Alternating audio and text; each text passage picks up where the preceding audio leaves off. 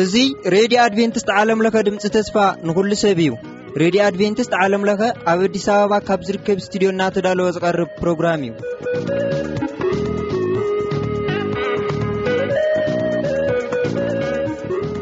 እዚ ትከታተሎ ዘለኹም ረድኹም ረድዮ ኣድቨንትስት ዓለምለኸ ድምጺ ተስፋ ንኹሉ ሰብ እዩ። ሕዚ እቲ ናይ ሕይወትና ቀንዲ ቁልፊ ዝኾነ ናይ እግዚኣብሔር ቃል ምዃኑ ኩላትኩም ኣይትዘንግዕዎን። እስቲ ብሓባር እነዳምጽ።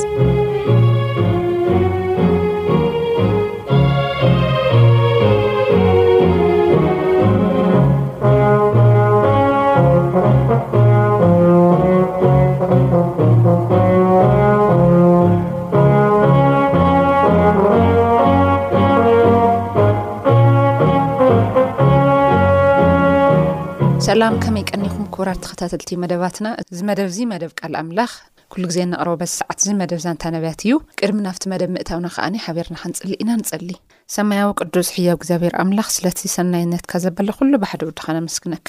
ሕጂ ድማ ቃልካ ከፊትካ ብተምህረና ክንሰምዕ ዝሰምዕ ልቢ ከኣ ንክትህበና ንምሕጸነካ። ንሰማዕትና ከም ኣድላይነቱ ጥያቄታቶም ክትምልሰሎም ንምሕጸነካ። ሕይወት ምስ ትርፉ ክኾነሎም ኩሉ ነገር ከኣ ከም ፍቓድካ ክኸውን ንምሕጸነካ። ኣይትፈለየና ስለ ሽመይ ሲልካ ኩሉ ባርኸልና ኣሜን። ትንቢተ ኤርምያስ መጽሓፍ ኢና ነጽንዕ ደለና ሕጂ በጺሕናዮ ደለና ምዕራፍ ኣርባዓን ሰለስተን እዩ ኤርምያስ እግዚኣብሔር ኣምላኾም ንኣታቶም ክነግሮም ዝለኣኹ ንኹሉ ቃል እግዚኣብሔር ኣምላኾም ነቶም ህዝቢ ተናጊሩ ምስ ወድአ ሽዑ ኣዛርያስ ወዲ ቃርያን ኩሎም እቶም ዕቡያት ሰብኡት ንኤርምያስ ሓሶት ኢኻ ዝተዛረብካ ባሮክ ወዲ ነርያ ደኣ እዩ ናብ ኢድ ባቢሎናውያን ክንውፈን ንሳቶም ክቐትሉና ናብ ባቢሎን ክማርኹና ኢሉ ኣብ ልዕሌና ኣላዒሉካ ዘሎ እምበር እግዚኣብሔር ኣምላኽስ ናብ ግብጺ ክትቕመጡ ኣይትጓዓዙ በሎም ኢሉ ኣይልኣኸካን በልዎ። ስለዚ ዮሃናን ወዲ ቃርያ ዀነ ኵሎም ሕሉቕ ሰራዊት ኰነ ኵሎም እቶም ህዝቢ እቲ ኣብ ሃገር ይሁዳ ተቐመጡ ዝበሎም ቃል እግዚኣብሄር ኣይሰምዕዎን።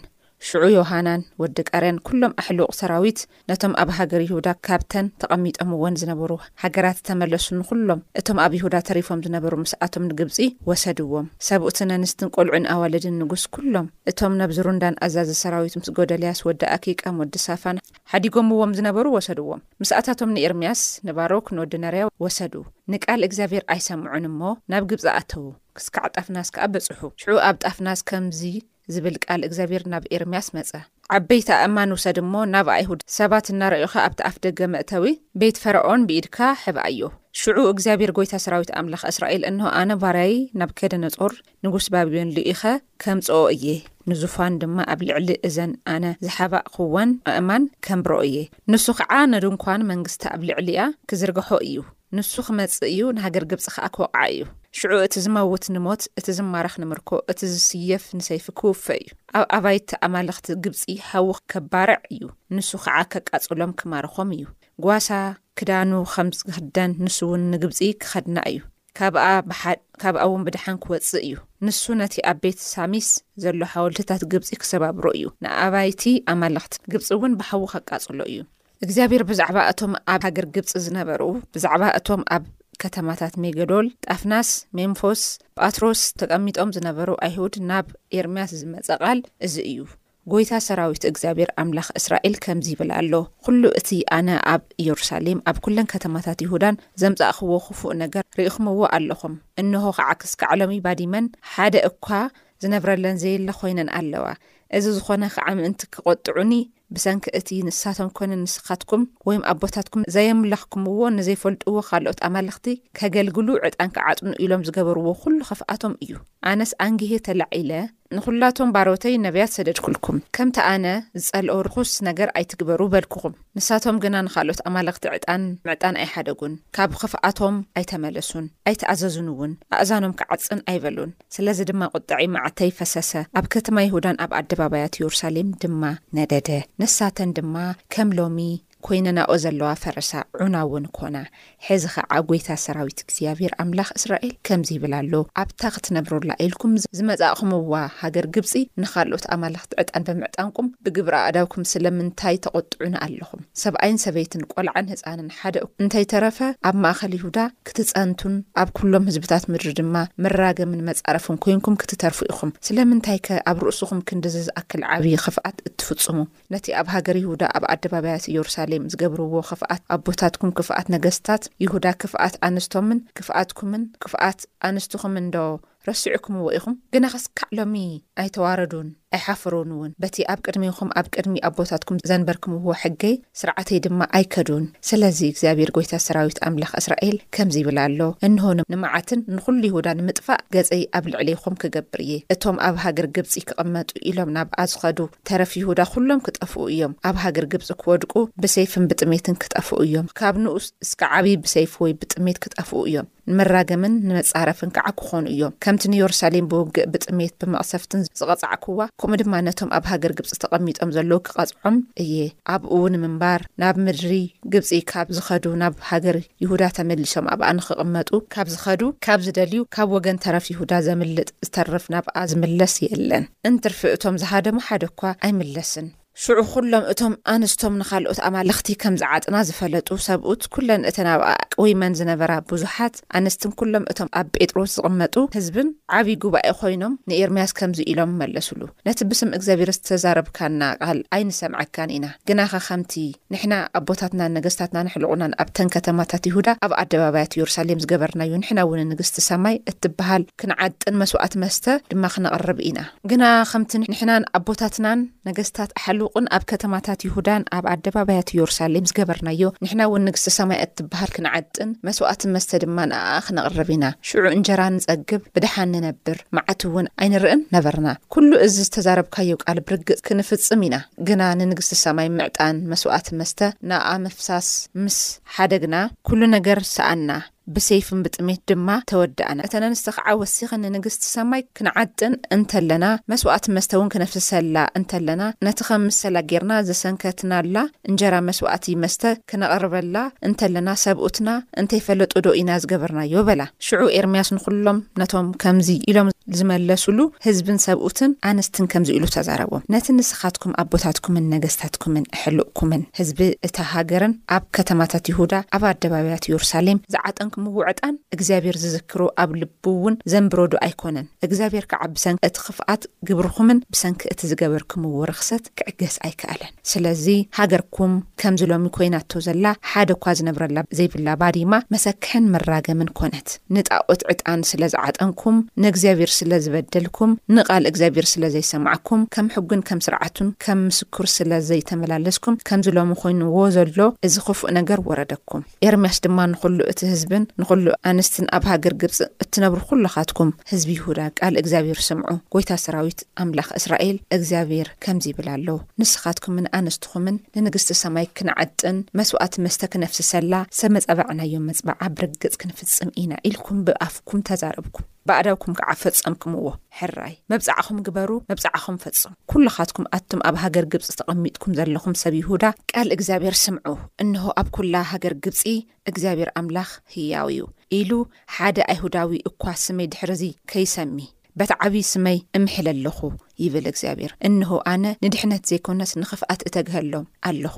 ኵላቶም ኣብ ሃገር ግብጺ ዝነብሩ ሰብ ይሁዳ ክሳዕ ዚሃልቁ፣ ብሰይፍን ብጥሜት ፈጺሞም ኪውድኡ እዮም። ውሑዳት ሰባት ግና ካብ ሰይፊ ኣምሊጦም ካብ ሃገር ግብጺ ናብ ሃገር ይሁዳ ኪምለሱ እዮም። ሽዑ ኵሎም እቶም ኣብኣ ኪቕመጡ ናብ ሃገር ግብጺ ዝመጹ ተረፍ ይሁዳ፣ ቃለይ ወይ ቃሎም ኣየናይ ከም ዜጽንዕ ኪፈልጡ እዮም። እቲ ኣብ ልዕሌኹም ከምጽኦ እየ ዝበልክዎ መዓት ሓቂ ከም ዝኾነ ምእንቲ ክትፈልጡ ኣብዛ ቦታ እዚኣ እንተለኹም ክቐጽዓኩም እየ። እዚ ኸዓ ምልክት ክኾነልኩም እዩ ይብል እግዚኣብሄር፣ እንሆ፣ ከምቲ ንሰድቅያስ ንንጉስ ይሁዳ ኣብ ኢድ ጸላኢኡ ንነፍሲ ዝደሊ ዝነበረ ናቡከደነጾር ንጉስ ባቢሎን እሕሊፈ ዝሃብክዎ፣ ከምኡ ኸዓ ንፈርዖን ሆፍራ ንጉስ ግብጺ ኣብ ኢድ ጸላእቱን ኣብ ኢድ እቶም ንነፍሱ ዝደልዩ እሕሊፈ ክህቦ እየ። ኢዮኣቄም ወዲ ኢዮስያስ ኣብ ይሁዳ ምስ ነገሰ ኣብ ራብዐይቲ ዓመቱ፣ ንሱውን ነዘን ቃላት እዚኣተን ካብ ኣፍ ኤርምያስ ኪጽሕፈን እንተሎ፣ ነብዪ ኤርምያስ ንባሮክ ወዲ ኔርየ ዝነገሮ ቃል እዚ እዩ፣ እግዚኣብሄር ኣምላኽ እስራኤል ከምዚ ይብል ኣሎ፣ ባሮክ ንስኻ፣ እግዚኣብሄር ኣብ ርእሲ ሕማመይ ሓዘን ወሲኹኒ እዩ እሞ፣ ወይለይ! ካብዚ ዝተልዓለ ደኺመ ኣለኹ፣ ዕረፍቲውን የብለይን፣ ኢልካ ኢኻ። እግዚኣብሄር ከምዚ ይብል ኣሎ፣ እንሆ፣ ነቲ ዝሰራሕክዎ እፍርሶ፣ ነቲ ዝተኸልክዎ ኸዓ እብቁሶ ኣሎኹ፣ ነዚ ኸዓ ኣብ ኵላ እታ ምድሪ ክገብሮ እየ። እሞኸ ንስኻ ንርእስኻዶ ዓብዪ ነገር ትደሊ ኣለኻ? እንሆ፣ ኣብ ልዕሊ ዅሉ ሰብ መዓት ክወርድ እዩ እሞ፣ ኣይትድለ፣ ይብል እግዚኣብሄር።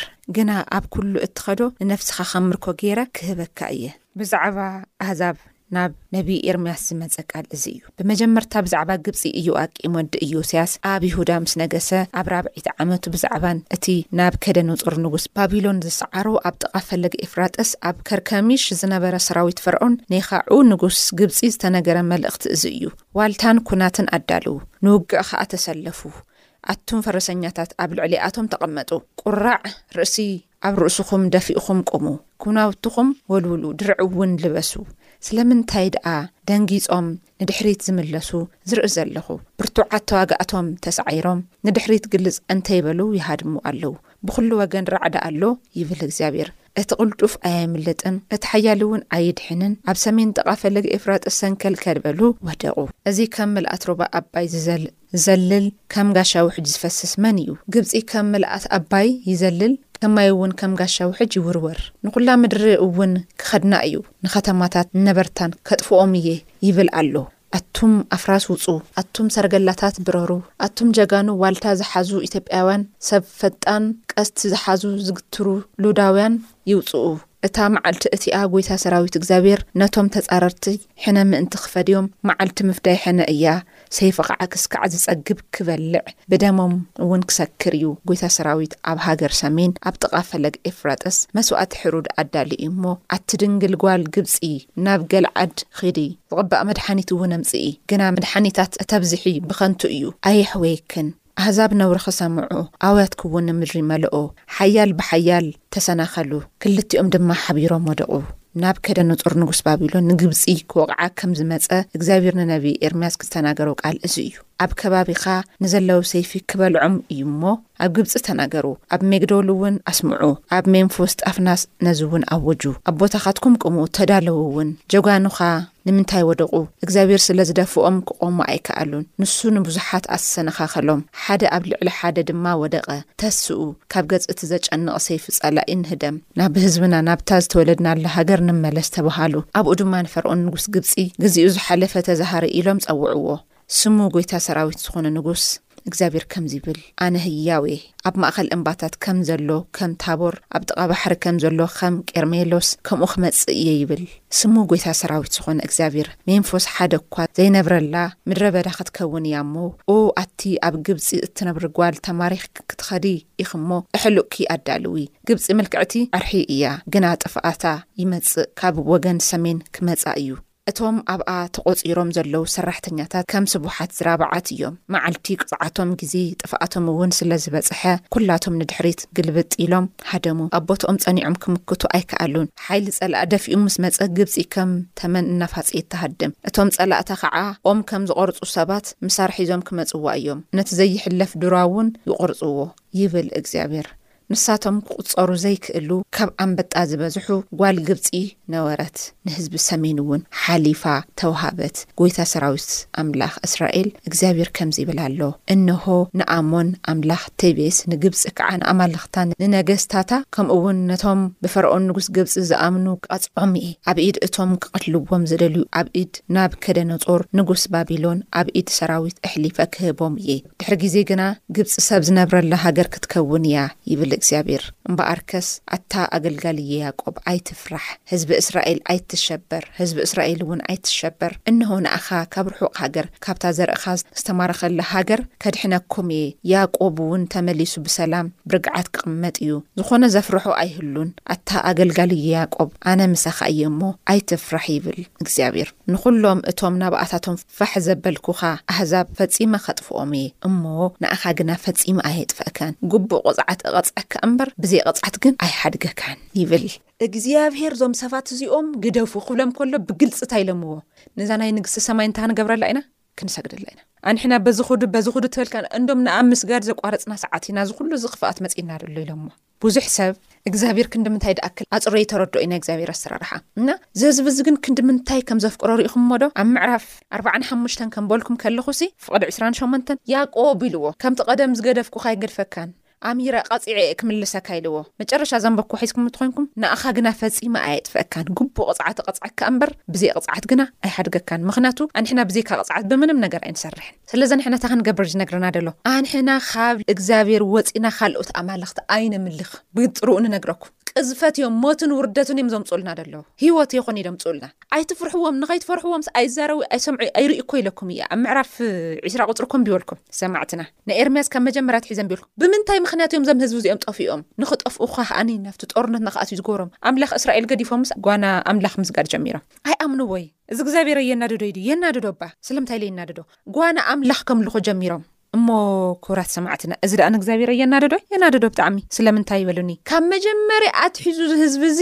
ኾነ ኢሉ ሓደ ናይ እስራኤል ኣምላኽ እሞ እዚኦም ኮ ኣቦታቶም ዘርኦም ቀይሕ ባሕሪ ተሳጊሮም ከይዶም እታ ሕጂ ትርእይዋ ደለኹም ትቅድ ኣርባዕተ ሚእቲ ዓመት ዝተሳቐኹምላ ምድሪ ተመሊስኩም ኣይትርእይዎም እዩ ክብሎም ከሎ እዚ ህዝቢ እዚ ግን ናብቲ ደወልኩኻ ምድሪ ክድ ግዜን ስልጣንን ድሃብክዎ ንናይ ባቢሎን ንጉስ እዩ ክብሎ ከሎ ፍርቆም ናብዚ ፍርቆም ናብዚ ክሃድሙ ጀሚሮም። ብህይወት ክትነብሩ ተደሊኹም ንባቢሎን እተዩ ተባሂሎም። ድሕሪ ሰብዓ ዓመት ባዕለይ ናብቲ ትደልይዎ ዓዲ ኣቦታትኩም ከእትወኩም እየ ኢልዎም። ግን እቶም ሓሰውቲ ነብያት ነይሮም። ጽቡቕ ኣለኹም፣ ሰላም ኣሎ፣ ጽቡቕ ኣሎ እናበሉስ ናይ ኣዴታት ክሓዝና ጀሚረን። ኣንስቲ ባዕለን ሳይለን ተዛሪበን ድፋራት እየን። ኣስኡትና ለይፈልጣዶ ንሕና ጣኦት ሰጊድና ኢና። ክስክስካ ክንድዚ ኢኻ ትደፍር። ኣቱም ግደፉ። እሞ ከኣ ንእግዚኣብሔር እኮ ልዛረብ ደሎ። ፊት ለፊት ክማጎቱ ጀሚሮም። እሞ ንሕና መሲልካ እምበር ኣሕናስ ንእግዚኣብሔር ኣይንኸብርን ኢሎሞ። ዋላ ንእግዚኣብሄር ሳዕወ ተበልካናስ ነዛ ናይ ንግስቲ ሰማይ ግን ክንሰግደላ ኢና መስተ ክነዳልየላ ኢና ወይኒ ክንዝልለላ ኢና ንሳ እኳ ኣይትፈልጦምን ትፈልጦ ነገር ብሱ ጠቕላላ የብላይ እዚ ወዲ እዚ ጌርኩምስ እግዚኣብሄርስ ከመ ገይሩ ይርስዖ ኢልዎ እሞ እዚ ትምህርቲ እዚ ደኣ ሳሌም ልምንታይ ኢኻ ኣምጺኽዮ ተይልኩምኒ ኣብዚ ምድሪ እዚ ኣብ ዓለምና ዝፍጠሩ ዘሎ ብምልኦም መቕጻዕትታት ናይ ሓጢኣት መቕጻዕቱ እዩ ሕጂ ማለለለገደደ ዘመናዊ ዝኾነ መልክዑ ዝቐየረ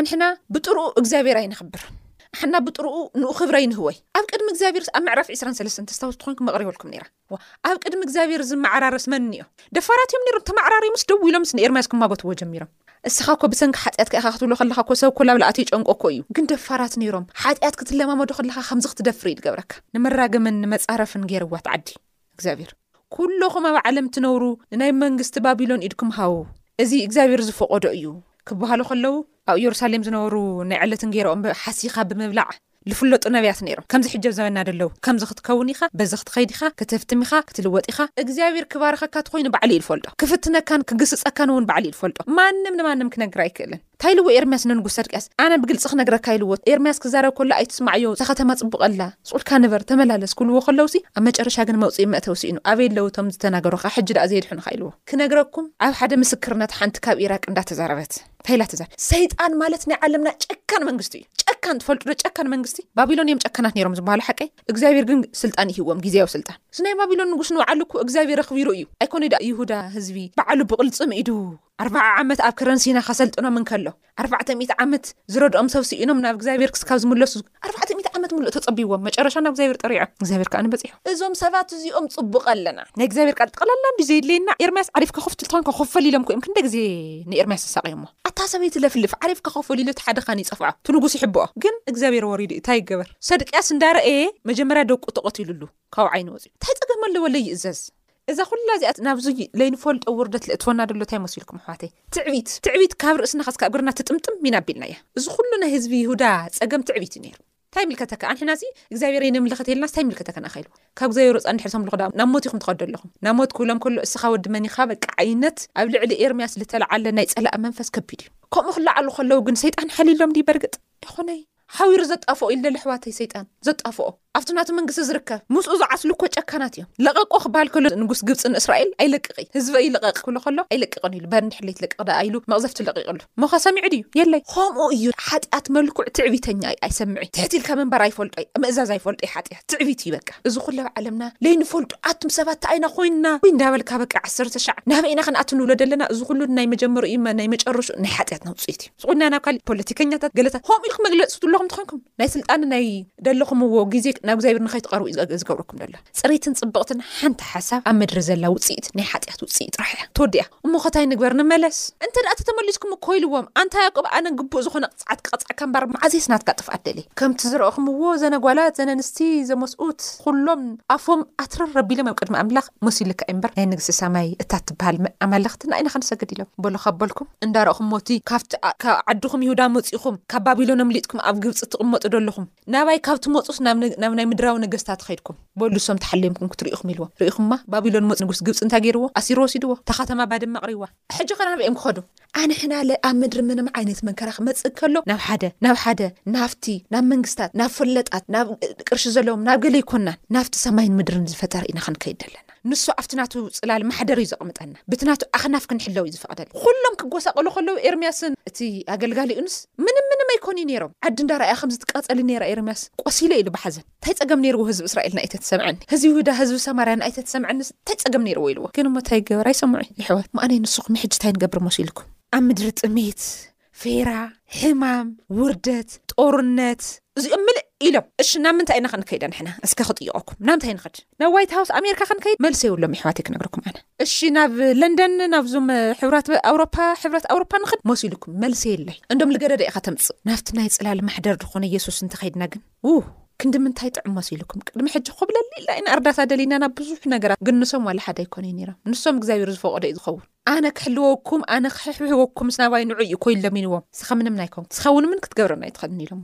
መጨረሻ ግን ከምዛ ናይ ኖህ መርከብ ክትዕፀ ከላ ከምኣ ኮይናቶ ብዙሕ ሰብ ብጦርነት ተወዲኡ ብሰይፊ ተወዲኡ እንታይ ድልዎ ፍርቁ ብሰይፊ ፍርቁ ብጥሜት መወት ሓቂ ኢልዎ ኢየሩሳሌም እኮ ዕውዳት እኮ ገዲፉሎም ኮይደፍቲ ከተማ ተመሊሶም ዘርእክቲ ክእለ ይክእሉ ሰባት ክዩ ገዲፍዋ ከይዱ ባቢሎን ኡ ሓደሽቲ እዮም እኮ ካብ ባቢሎን ልተመለሱ እዮም እኮ ዘርኦም ተኪኦምዎ ሽዑ ታይ ድም ኢሎም ዘሚሮም ሰብዓይ ሸሞንተይ መዝመረ ዳዊት እኒኤኩ እቶም ዝማረኽዎም ናይ ዓድኹም መዝሙር ዘምሩልና ክብልዎም ከለውሲ ማሪኾሞ ዝወሰዱና ሰባትስ ናይ ታይ ድበሃል መዝሙር ክንዝምርስ ክንዲ ምንታይ ክንዲ ምንታይ ኢሎም ቅድሚ ሕጂ ንኣምላኾም ተልዝምሩ ግን ዝዓይነቲ ዘይመውፅሖም ሕቑኦም ንኣምላኽ ተለይህቡ ነይሮም ክንዲ ዝበደለይሞ ኣነይ ነስኹም እዚ ኩሉ እዚ ዘይንፈልጦ ልርእስና ምርር ኢልዎ ደሎ ጦርነተ ልሕለፍናዮ ግዝያት እዋናት ኣብ ኢድና እዩ ዘሎ እቲ መልሲ ንሱ እግዚኣብሔር እዩ ክምልሶ ቕፍፍ ልብሉ ነገራት ንሰምዕ በእዝንና ውይ ንመለስ ኣሕዋተይ ይኣኽለና ብጣዕሚ እዩ ዘፅልእ ንመን ኢና ኣምሊኽና ካብ እግዚኣብሔር ወፃኢ ኩሉ እንታይ እዩ ንእግዚኣብሔር ምንም ዓይነት ክብሪ ኣየውህቦይ ግዜኹም ንኣምላኽ ሃብዎ ገንዘብኩም ንኣምላኽ ኩሉ ነገርኩም ንኣምላኽ እግዚኣብሔር ሓሊፉ ኩሉ ከፀብቆ እዩ ኣብቲ ናቱ ፅላል ማሕደር ግበርዎ ኩሉ ነገርኩም እግዚኣብሔር ከመይ ገይሩ ከም ዝነክኦ ትርእይዎ ኢኹም ናይ መጨረሻ ክትጠፍ እግዚኣብሔር ተተዳሂኻ ከማን ክሰምዕ ፈቓደኛ እዩ ኣርባዕተ ሚእቲ ዓመት እኮ ደቂሶም እዮም ነይሮም ኖርማል እዮም ነይሮም ግን ኣብ መበል መጨረሻ ግን እግዚኣብሔር ናይዚ ህዝቢ እዚ ውርደት ክርኢ ደስ ኣይበሎይ ሰብዓ ዓመት ለኸም ኣሕዋተይ እሞ እምበኣር ከሰ ንሕና ኣሕዋት ንእግዚኣብሔር እንዳገልገልና ዘለና ዝመስለና ኣለና እንተ ኮይኑ ካብ እግዚኣብሔር ወፃእ ተወሳኺ እኳ ተወሳኺ እኳ እንተእትኹም እሶምን ምንም ኣይገብርኹም ኣዲኹም ክትወልደኩም ኣቦኹም ክሕብሕኩም እስኹም ብሂወት ክትነብሩን ክትሞቱን ግን ኣይፈቕደልኩምን ናትኩም ናትኩም መፈንጥራ ከፅርዮን ክከላኸለሉን ክሕልዎን ዝኽእል እግዚኣብሔር ጥራሕ እዩ ኣብ የትም ቦታ ኮንኩም ኣቦኹም የድኹም ክወፅሑ ኣይክእሉ እዩ እቶም ትኣምንዎም ትብሉ ኩሉ ነገርኩም ንእግዚኣብሔር ሃዎ ንሱ ኩሉ ከፀብቆ እዩ ቀረባ እንከለኹ ተዳመፁን ኢልዎ ኣነ ናይ ርሑቕ ኣምላኽ ኣይኮንኩን ቀረባ እየ እቲ ናይ ቀረባ ኣምላኽ ምፅዋዕ እንኽእለሉ ግዜ ሕጂ እዩ ሕጂ እንተዘይፀዊዕና መዓዘይ ከም ንነብር ከም ንምውት ኣይንፈልጥን ሕጂ እያ እታ ናይ ምድሓን መዓልቲ ሕጂ ተኸተለኒ ምስ በሎ የሱስ ክርስቶስስ ኣርዑተይ ኣቕሚጠ ክመፅ ኢልዎ ነቲ ሓደ ለተኸተለኒ ምስ በሎስ ቤተሰበይ ሰላም ኢለ ክመፅ ኢልዎ ሞሕዋተይ ብሕጂ ነፋልጠኩም መድሓኒናን ጎይታናን የሱስ ክርስቶስ መድሃኒ ኣለም እቲ ንብኩሉ ቤዛ መድሓኒት እንድኮነ ብዘይካ ንሱ ካሊእ መንገዲ የለን ብዘይካ ንሱ ካሊእ ድልድል የለን ብዘይካ ንሱ ካሊእ ርስቲ የለን ብዘይካ ንሱ ካሊእ ምንም ዓይነት ምንም ዓይነት ሓበሬታ እንረክበሉ ናይ ሂወት ምንጪ ድኮነ ማእከላይ ድኮነ ኣካል የለን ክንደይ ግዜ ነቢዒና እንዲና ክንደይ ግዜ ሓዚንና እንዲና ይኣክለና እውነት የለኩም ደሎ ከይኣክለና በቃ እናረኣና እናረኣና ግዜን ሰዓትን ሂወትናን መንነትናን ደቅናን ኣሕዋትናን ቤተሰብናን ኣስኡትናን ኣንስትናን ይቃጸሉና ይጠፍኡና ኣለዉ ይኸዱ ኣለዉ ስለዚ ኣሕዋተይ no በቃ ንግደፍ ንሕና እግዚኣብሔር ነኽብር ከምቶም ሕጂ እዚ መጽሓፍ ዝስ ዋእ ታይ እያ ኮይና ሳሌም ንህዝቢ ይሁዳ ኩይትንቃትም ኣሕዋተይ ካብኡ ልገለ ድሕሪ ኮነ ሓጢኣት ትውልዲ ዘለና ሰባት ንሕና ኢና ክነሱ ዋላ ሓደ ንሓው ጽቡቕ ዝሓስብ ሰብ ይሰኣን እውይ ብሓሶት ሰላም ደየለ ሰላም ኣሎ እንዳበሉ ስብከት ይሰብኩ ሰላም ደየለ ህዝቢ ተሃዊኹ እንዳሃለየ የለን ኣዴታት እንዳነብዓ እንዳሃለያ እንዳኸፍአ እንዳሃለየ ጽቡቕ ኣለዉ ጽቡቕ ግን ጽቡቕ የለውን ኣዴታት ኮ ይነብዓ ኣለዋ ኣቦታት ኮ ግዜ ብድፍረት ዝነብዕሉ ግዜ ኮ በጺሕና ኣቱም ሰባት ጽቡቕ የለናን ጽቡቕ ኣይኮናን ደለና ካብ እግዚኣብሔር ርሒቕና ኢና ብሱር ጠቕላላ ካብ እግዚኣብሔር ርሒቕና ኢና ካብ ብሕጂ ንድሓር እግዚኣብሔር ክነኽብር ንፈትን ክንደይ ግዜ ካብ ብድሕድ ሕጂ ግን ይኣኽለና እግዚኣብሔር ነገልግለሉ እዋናት ሕጂ ይኹን እንድሕነሉ ሕጂ ይኹን። ብዙሓት ሰባት ብሰንክና ኣይሙቱ፣ ናይ ኣቦታቶም ሓጥያት ቐዚፍዎም፣ ተወሳኺ እውን ናይ ባዕሎም። ኣይ ኣቦታትና ተጋግዮም ኢሎም ክንዲ ኣደብ ልገብሩ ትኽክለኛ መንገዲ እዩ እዚ፣ ትኽክል ስለ ልኾኑ እዮም እዚ መንገዲ እዚ ተኸቲሎም እዮም ኢሎም። ግን ኣብ ታሪክ ማህደር ትኽክለኛ ልኾነ ኣምላኽ ከምልኹ ተረኺቦም ኣይፈልጡ እስራኤላውያን። ኣጥፍእዎም ዝተባህሉ ኣማልኽቲ ኣስራት ኽግብርሎም ኣቕሪዮምዎም። እቶም ሰባት ድሕሪ ግዜታት ከምልኽዎም ጀሚሮም ናይ እግዚኣብሔር መንፈስ ካብቲ ከተማ ርሒቑ ሽዑ በዓል ልውዓሉ ኽፉእ ወዲ ኽፉእ ኾይኑ ኣብቲ ከተማ ተንኮል ብተንኮል መሊኡ ኣብቲ ከተማ ዘፍርሕ መንፈስ መሊኡ ኣብቲ ከተማ ኣይራሃርሁይ ጨካናት ኾይኖም እግዚኣብሔር ነዚ መንፈስ ንምርሓቕ ግን ናባይ ተመለሱ ኣነ እውን ናባኻትኩም ቀረባ እየ ኢሉ ስለዚ ኣሕዋተይ ናብቲ ቀረባ ዝኾነ ኣምላኽ ምኻድ እንኽእለሉ ጥበብን ግዜን ሰዓትን ሕጂ እዩ ናብኡ ምኻድ እንኽእለሉ ሰዓት እውን ሕጅን ጥራሕ እዩ እሞ ናብኡ ኸይድና ናብቲ ደምበ ንሱ ዓሲልና ንኣናን ንደቅናን ንደቂ ደቅናን ከኣ ንቅዱስ ድኾነ ቃል ምምሕላፍ እንኽእለሉ እግዚኣብሔር ኣምላኽ ጸግኡ የብዝሐልና ይሓግዘና ከኣ በዚ ሕጂ ሰዓት ናይ እግዚኣብሔር ቃል ክንሰምዕ እንተኽኢልና ኣይዘካትኩም እግዚኣብሔር ኣምላኽ ምሳና እዩ ክሕግዘና እዩ ክነጽንዖ ኢና ንዚ ቃል እዚ ክሕግዘና እዩ ክንፍጽሞ ኢና ትማሊ ዲና ብዙሓት ነገራት ዲና ጌርና ኣይዞኻ ሒዝካዮ ጥራሕ ንኣና እግዚኣብሔር ዝኹሉ ዝጸገማትካ ዝኹሉ ሓጢኣትካ እግዚኣብሔር ከእንታይ ሃገብሮ እዩ ልክዕ ከም ደም ዝጨልቀኸ ተትኸውን ከም በረድ ከጻዕድዮ እዩ ንእግዚኣብሔር ብዝተፈላለየ መንነት ገልቢጥካ ገለባቢጥካ ሐዚንካ ዲካ ኔርካ ብፆት ብፃይ ኣይዞካ ኣይትሕዘን እግዚኣብሔር ንኣካ ቀረባ እዩ ስለለቀተልካ ስለልተቀታተልካ ስለልተፍጠፋእካ ስለዝዘመውካ ኣይኮ እግዚኣብሔር ኣምላክ ንኣካ ንኣካ ልከውን መድሓኒት ብዘይካ እግዚኣብሔር ካልእ የለይ ክፍውሰካን ከፅሬካን ሓደ ንሓደ ንሱ እዩ ኣነ እንታይ ኢልዎም ናፍቲ ሸክላ ስራሓ ወሲዱ ወሓቀይ ከመይ ንሰብ ከፍርሶ ንኣፍሪሰ ከምዝሃንፆ ስረኦዮ ኢልዎ ግን ኣይተረድእዎይ ሕጂ ክሰርሐና እዩ ንምፃእ ናፍቲ ደንበ ንዑ ናፍቲ ከረን ኢልዎም ኢሳያስ ናፍቲ ናይ ፅዮን ድምፂ ድስማዓሉ ከተማ ነቲ ሰብ ሰብ ኣፅዋር ናብ ማሕረሻ ክቀየር ብረት ናጎዘሞ ክቅየር እግዚኣብሔር ኣምላክና ከኣ ንክነክብር ኢልዎ ወይ ኣቦታተይ የሕዋተይ ኣዴታተይ ክነግረክን ካብ መጥረሻም እዋናት ንርሓቅ ይኣክለና እዚ እንሰምዐሉ ግዜን ሰዓትን ሕጂ ይከውን እግዚኣብሔር ኣምላክ ጸጉኡ የብዝሐልና ተባረኩ ሓሳብን ጥያቄን ብልህለይኩም ብልሙድ ስልኪ ቁጽሪ መስመራትና ባዶ ትሽዓተ ሰማንያን ትሽዓተን ሰብዓን ሸውዓተን ኣርብዓን ሓሙሽተን ቴስዓ ኢልኩም ብፖስታ ሳጹን ቁጽሪ ከኣ ሚእትን ኣርብዓን ሓሙሽተን ኢልኩም ሓሳብኩም